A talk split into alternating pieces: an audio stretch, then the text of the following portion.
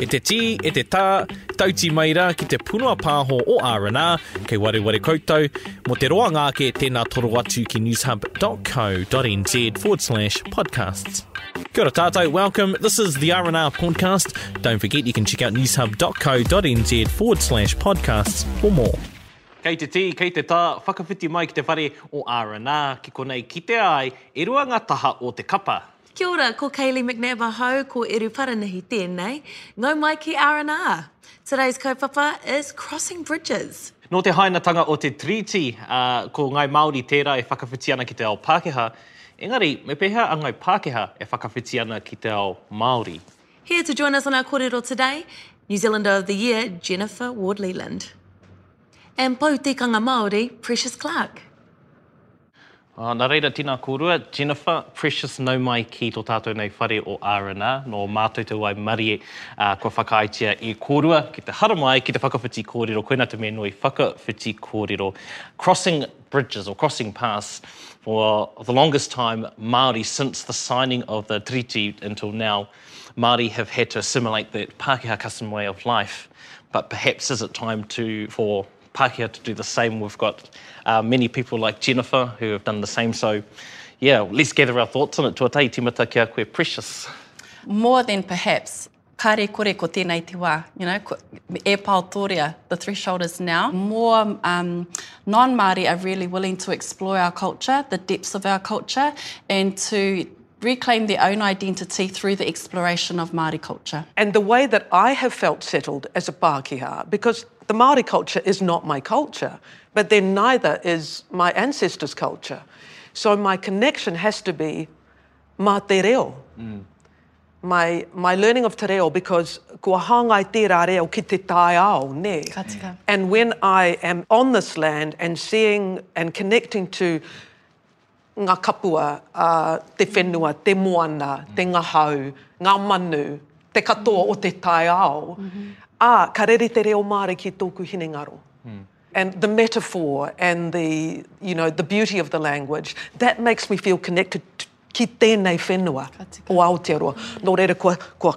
ka piki ake taku Aotearoatanga.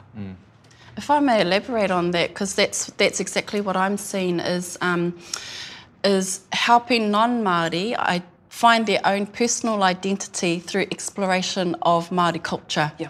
And kei, a, kei te reo Māori ngā tohu, mm. so i roto i te pēpeha, ka taia koe ki te hono ki ngā, ngā, mahi, ngā mea o te taiao, ki ngā maunga, ki ngā awa. And so through the exploration of Pepeha, we are having people be able to really find a purpose and an identity in New Zealand's Anna. landscape. Mm. Koia. And to elaborate even further, what we're identifying and seeing is that through pra adopting Māori cultural practices within business, business relationships are improving. So mēnā ka timata i te whanaungatanga, Kāre e kore ka hono ā tangata Āna. and through that business relationships are far stronger and can weather far more storms than if you just go to engage in a business contractual interaction. Tautoko mārika. Āe. I roto i tō haerenga o te reo Māori, nā te mea he hoa pūmau māua ko Jennifer, i kite au, e nōku te waimarie, I've been part of that journey as well for more than ten years I believe, You've been learning te reo as a Pākehā. We're fortunate enough to be part of Te Wānanga o Aotearoa and I really saw your development mai te tīmatanga tae noa atu ki te tohi. Mai te ihu hupe. Mai te ihu hupe. And so he aha ngā piki me ngā heke kia kōrua, i a kōrua o tātou rānei e ako i te reo. He aha ngā piki me ngā heke e hāngai ana ki te reo i roto i ā kōrua nei haerenga? Ka hoki maumahara ki te wā i pātai atu ki taku kaiako. Ko te akoranga, ko te aromatawai i mua i a mātou ngā tauira, ko te ko tō whakapapa me ngā waka. Nā reira ko tāku ki a ia, karekau, karekau āku waka. Umm. How did your ancestors arrive here then? ki Aotearoa, and when? Ana. Kātahi ka whai au i taku whakapapa, and I know more about my whakapapa Māori, uh, Pākehā through my journey to learn te reo Māori me ōna tikanga. And did a road trip right up north, walked on the haere atu ki te whare Mihingare ki Mihinare, ki Mangunu, ki Hokianga, ki, ki Kaeo, i reira e noho ana, i noho ai ōku tīpuna, ā, i te tau 1823. Walked on the land that they, that they walked on, walked in the house that they walked, lived in, And e hika, kua heke ngā roimata. But I never would have done that if I hadn't gone on this reo Māori journey. So, oh, ināianei ka heke ngā roimata i te hoki maumahara, i te hokinga maumahara. He aha te kino The difficulties, I think, are actually, especially when you are an older learner, being okay with not knowing. Mm -hmm. Sitting in your ignorance. Ai. Allowing yourself to be kuware, mm. to be ignorant. And that being okay. And just trusting that bit by bit, nā wai, nā wai, mm. ka ako koe i ngā i ngā kupu, i ētahi tikanga, by the repetition, by the constant, um, by the ritual of how we learn, ka tutuki, e, e haere me ka tutuki, i reira tonu te maunga o te reo. Ai, ngā whāinga. Ai, reira tonu, ko au e te pūtaki tonu ahau, heoi. Ai, e tika ana ko te kuaritanga. And I also would say, yeah, to be, to, uh, to be able to listen and not to feel like you've just got to kind of grab it now because you cannot grab it in one in chunk in one chunk you're always going to be learning. He maha aku piki me nga heke a i haere au ki te kura tuarua o Auckland Girls kei roto i Kahurangi ki Maungawhau me tenei putiputi hoki um and so i ako au i te reo i taua wa engari kare au i kaha ki te korero mena kei te marae ahau kei te karanga ahau ka taea kia rere te reo Maori engari ki te kainga Kare au i kōrero. Engari i te wā i whānau mai taku pēpi tuatahi, i tini taku whakaaro, ko au te tangata tuatahi, ko au te tangata rongonui ka taea kia whakaako i a ia. So having my daughter um, allowed me to break down the barriers that I had created for myself. And I could practice with someone who had no judgement, and didn't know any better. And so through practicing te reo Māori with my daughter, I got more confident and better. And I'm friends with the likes of Pania Papa and Scotty Morrison, and they would always kōrero to me in te reo. And I would start there and then huri ki te reo Pākehā and then turn to English. And I remember catching up with them both at the airport in Wellington and I stayed in Te Reo Māori for the entire conversation and I was so proud of myself and I was I could see they were grateful. that, um, that I managed to stay there. But to elaborate on what um, Te Atamira was saying, one of the people that I taught, she's Asian American, and um, doing pepeha for her was really tough. It was a really tough experience, and when we went through it, it was all American pepeha, and I said to her, I'm going to call out the obvious because I look at you and you're obviously Asian, but you haven't acknowledged that heritage here. So what's that about? And within two weeks, she was on a plane back to China. she got her parents to fly over from America and they went to their ancestral village which had been quarried. And she said, I'm so glad that I went there. And she didn't know how to behave. And I said, well, he mauri tonu the Māori store there so it connect with the Māori of that place. Mm. And through that, she realised that um, New Zealand was the first place that she felt she belonged because of Māori culture and because of pepeha and because of the reo. So there's something very powerful in our culture that allows people to fill something that um, has been vacant for a little while. Hoki anō ki, ki a māua ko Jennifer, um, kei tētahi kapa māua, he kapa reo Māori, um, he, e hara i te mea he Pākehā, he Māori, noiho kei tēnei kapa he, what, he Haina No Amerika, no Amerika. Horana. No whea? Awhirika ki te tonga, tō tino hoa. Ai, mihi ana ki a koe, Joe, mēnā kei te mātakitaki koe. Ai, tēnā koe, Joe. Ai, nā, taku nei ohorere te kite i ērā, me noho pea ki te reo Māori me ērā o ngā tāngata e whakaohorere nei i a mātou, pērā i a Andrew Little.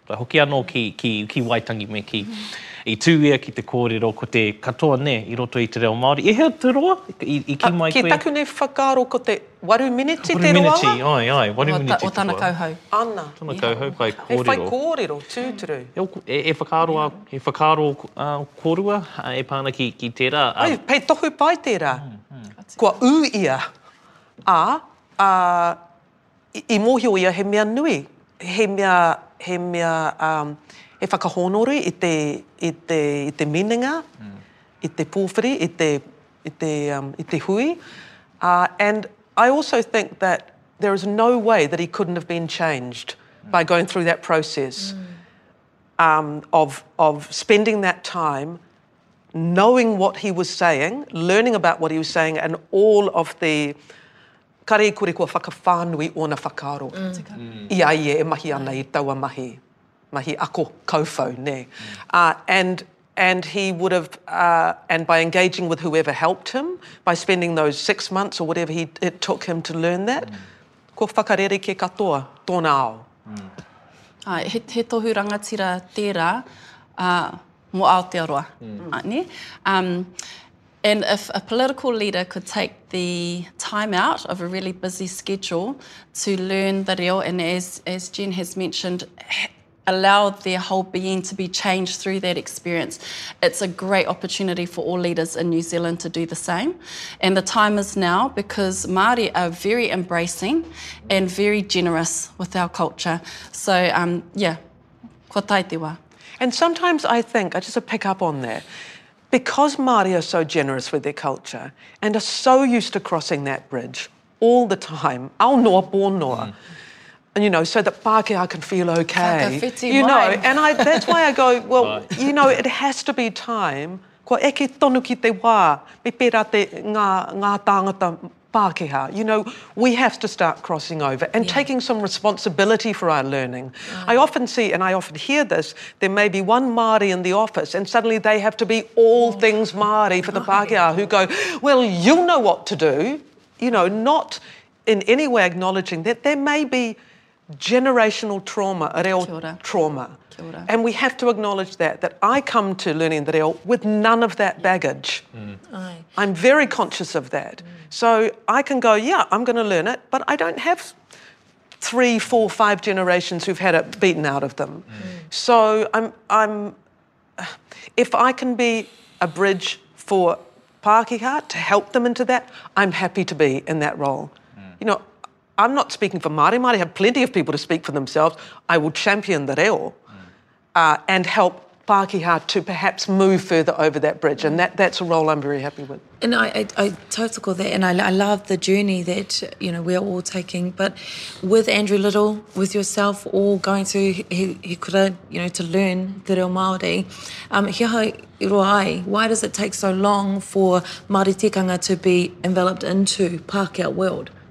Yeah.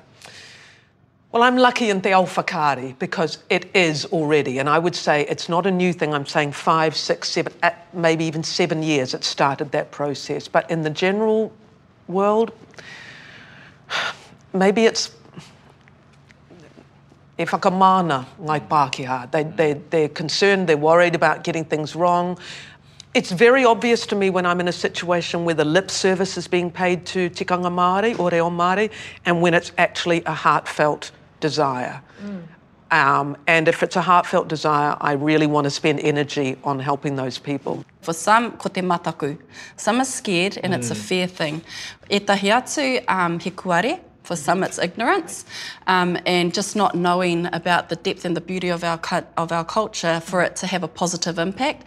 Ki e tahi atu, um, he racism mm. institutional, overt.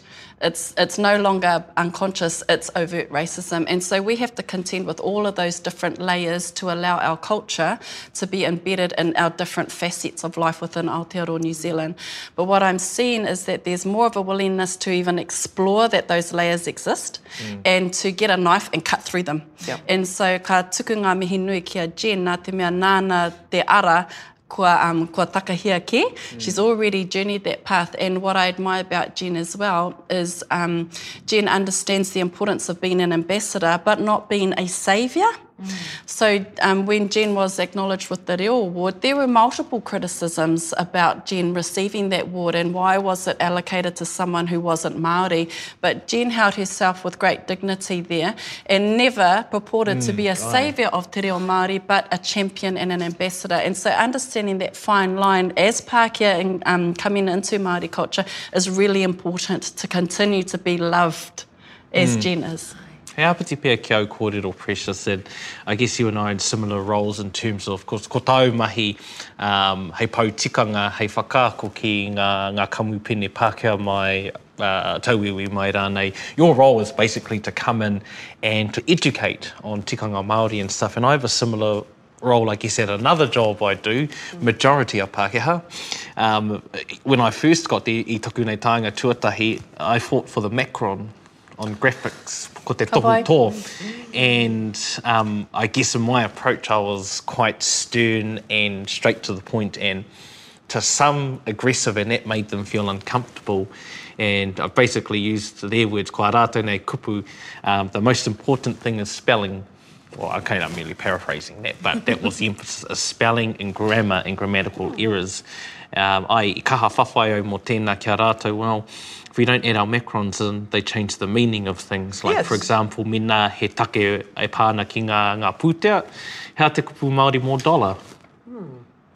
Exactly.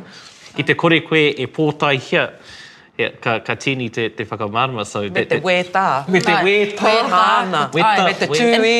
Nā te katakata, nā te hātakehi ka taea rātou ki te mārama. So, you know, te rerekētanga mai te wētā ki te weta, auē, he tino rerekē i kua māramatanga. Me te keke, me te kēkē. Ai, ka tika, ka tika. Nā tēnā, ka mōhio ngā kamupene kia tini. Mhmh, āe, nā te mea i taku nei kitenga, me kī pēnei i roto i te reo Pākehā kia mārama ai te hunga punua pāho, just so our podcasting audience knows what I'm saying, a lot of them don't like to be told they're wrong. E tika ana me panoni pea, me tīni rānei tō whakaakonga me kī. Ana.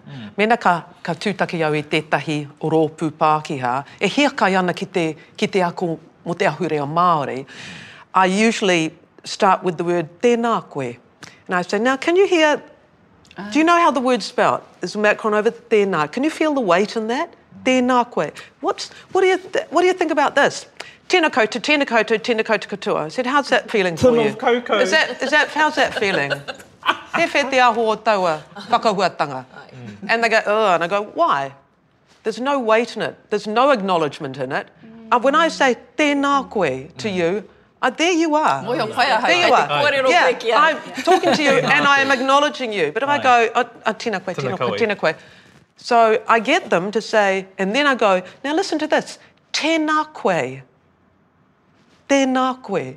And I go, what's the difference? They go, oh, there's a t, t, ana. Mm. Tēnā koe. So now try it again. Uh, tēnā, kōrero mai, tēnā koe. Mm, I'm still hearing tēnā koe, tēnā koe. I said, that's all. Mm.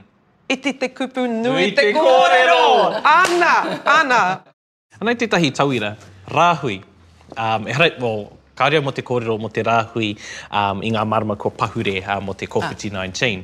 Ko ngā rāhui Māori me kī, whakaari, koina tētahi tino tauira i rangona e au ētahi kōrero mā te reo irirangi auraki me kī, te nuinga ko te āhua nei ka rīki te o rātou kanohi engari ko te āhua nei he Pākehā, kāore rātou tino mōhio he aha i rāhui ai So I guess how do we approach that and explain to and explain to him what the best thing I said was think of it about think of it as a warning and if something happens to you whilst there is a rahui there then don't you know don't moan to us that we didn't tell you because we warned you yeah.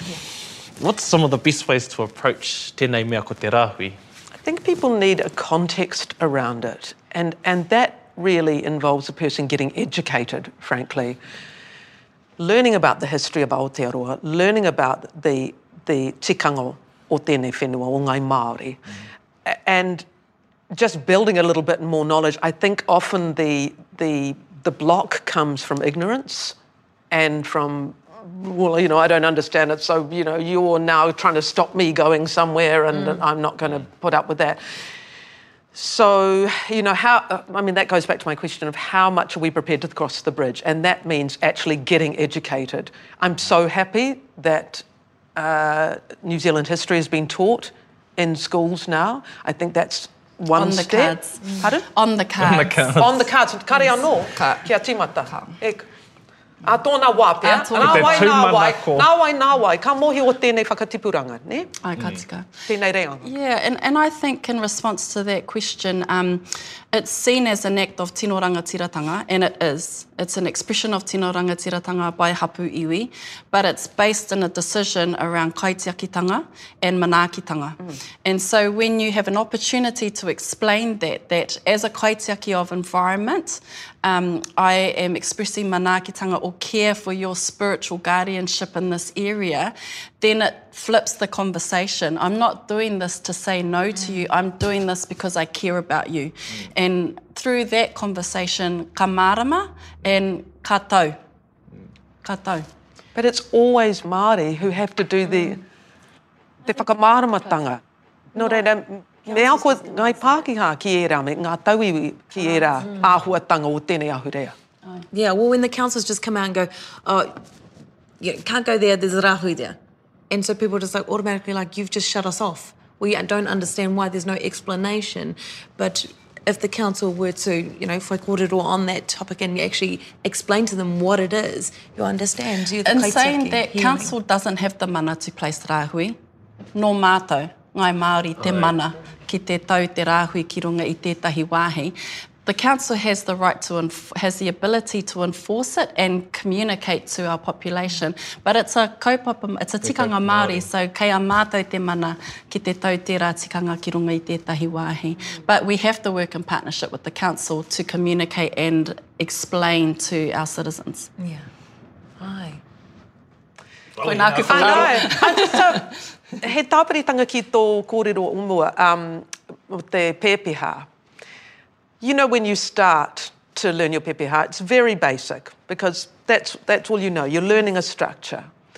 And then, nāwai, nāwai, ka whakawhānui tō mōhiotanga ki te ao Māori, and you start, and just talking back about my, talking about te taiao, the natural world of, of, of tēnei whenua, I gradually found a way that acknowledges my connection to where I was born, Kei Pōneke. Kua pūawhe tēnei mea i ngā hau pūkeri o Pōneke. This, this thing was blown by the rough winds of Wellington ki Tāmaki Makaurau. And that, I, I have to um, mihi atu ki te heketu, ki Paraone uh, mā, ki Pānia mā, who opened um, my mind up to how you can make uh, your pepeha a very mm. personal thing. But it says, it's not saying, right. Uh, that's my land that I was born in, and that's my maunga. It's not. It's this creature was born there and, and blew to Tamaki and lives now near a, a winding river here. Mm. And um, so when I say that, it actually is very meaningful to me, and I don't feel like I'm sort of stealing someone else's culture, but. Uh, he, he and I think there are different there has to be a different way for Pākehā to articulate their pepeha than Māori because our relationship is one of whakapapa yes, to the natural Anna. environment. Pākehā, their relationship is not based in whakapapa, it's based in a lived experience. And so with the people who come through my program, we don't, they do not say tōku maunga, tōku no. awa. It's te maunga because they have an affinity and a relationship to it. And I think as teachers we need to ensure that Pākehā not put in to a position to be attacked for the way that they might express their identity through pepeha, we've got to tiaki them in our world, manaaki them in our world. Ko ia. Oi te whānau kua pau te wā ki a tātou. Oh me e manakotia ai kua roa ake engari kua pau, engari me mihi ka tika ki a tātou nei manuhiri i tēnei rā ki a Precious Clarke. Kōrua ko Jennifer Te Atamira Ward-Lealand, tēnā kōrua. Tēnā tātou. Āe, otirā koutou, kua tae te wā ki te whakawhiti i ngā piriti, ā tōna wā pea ka, ka mōhio mēnā rānei ai ka, kei, ā, tēnā koe i tō ū mai, kia koutou te kāinga noho ora mai rā, he aha te kai a te rangatira, he kōrero, he kōrero, he kōrero, he aha te kai a R&R, he muramura, he muramura, he muramura, mā te wā! Kia ora!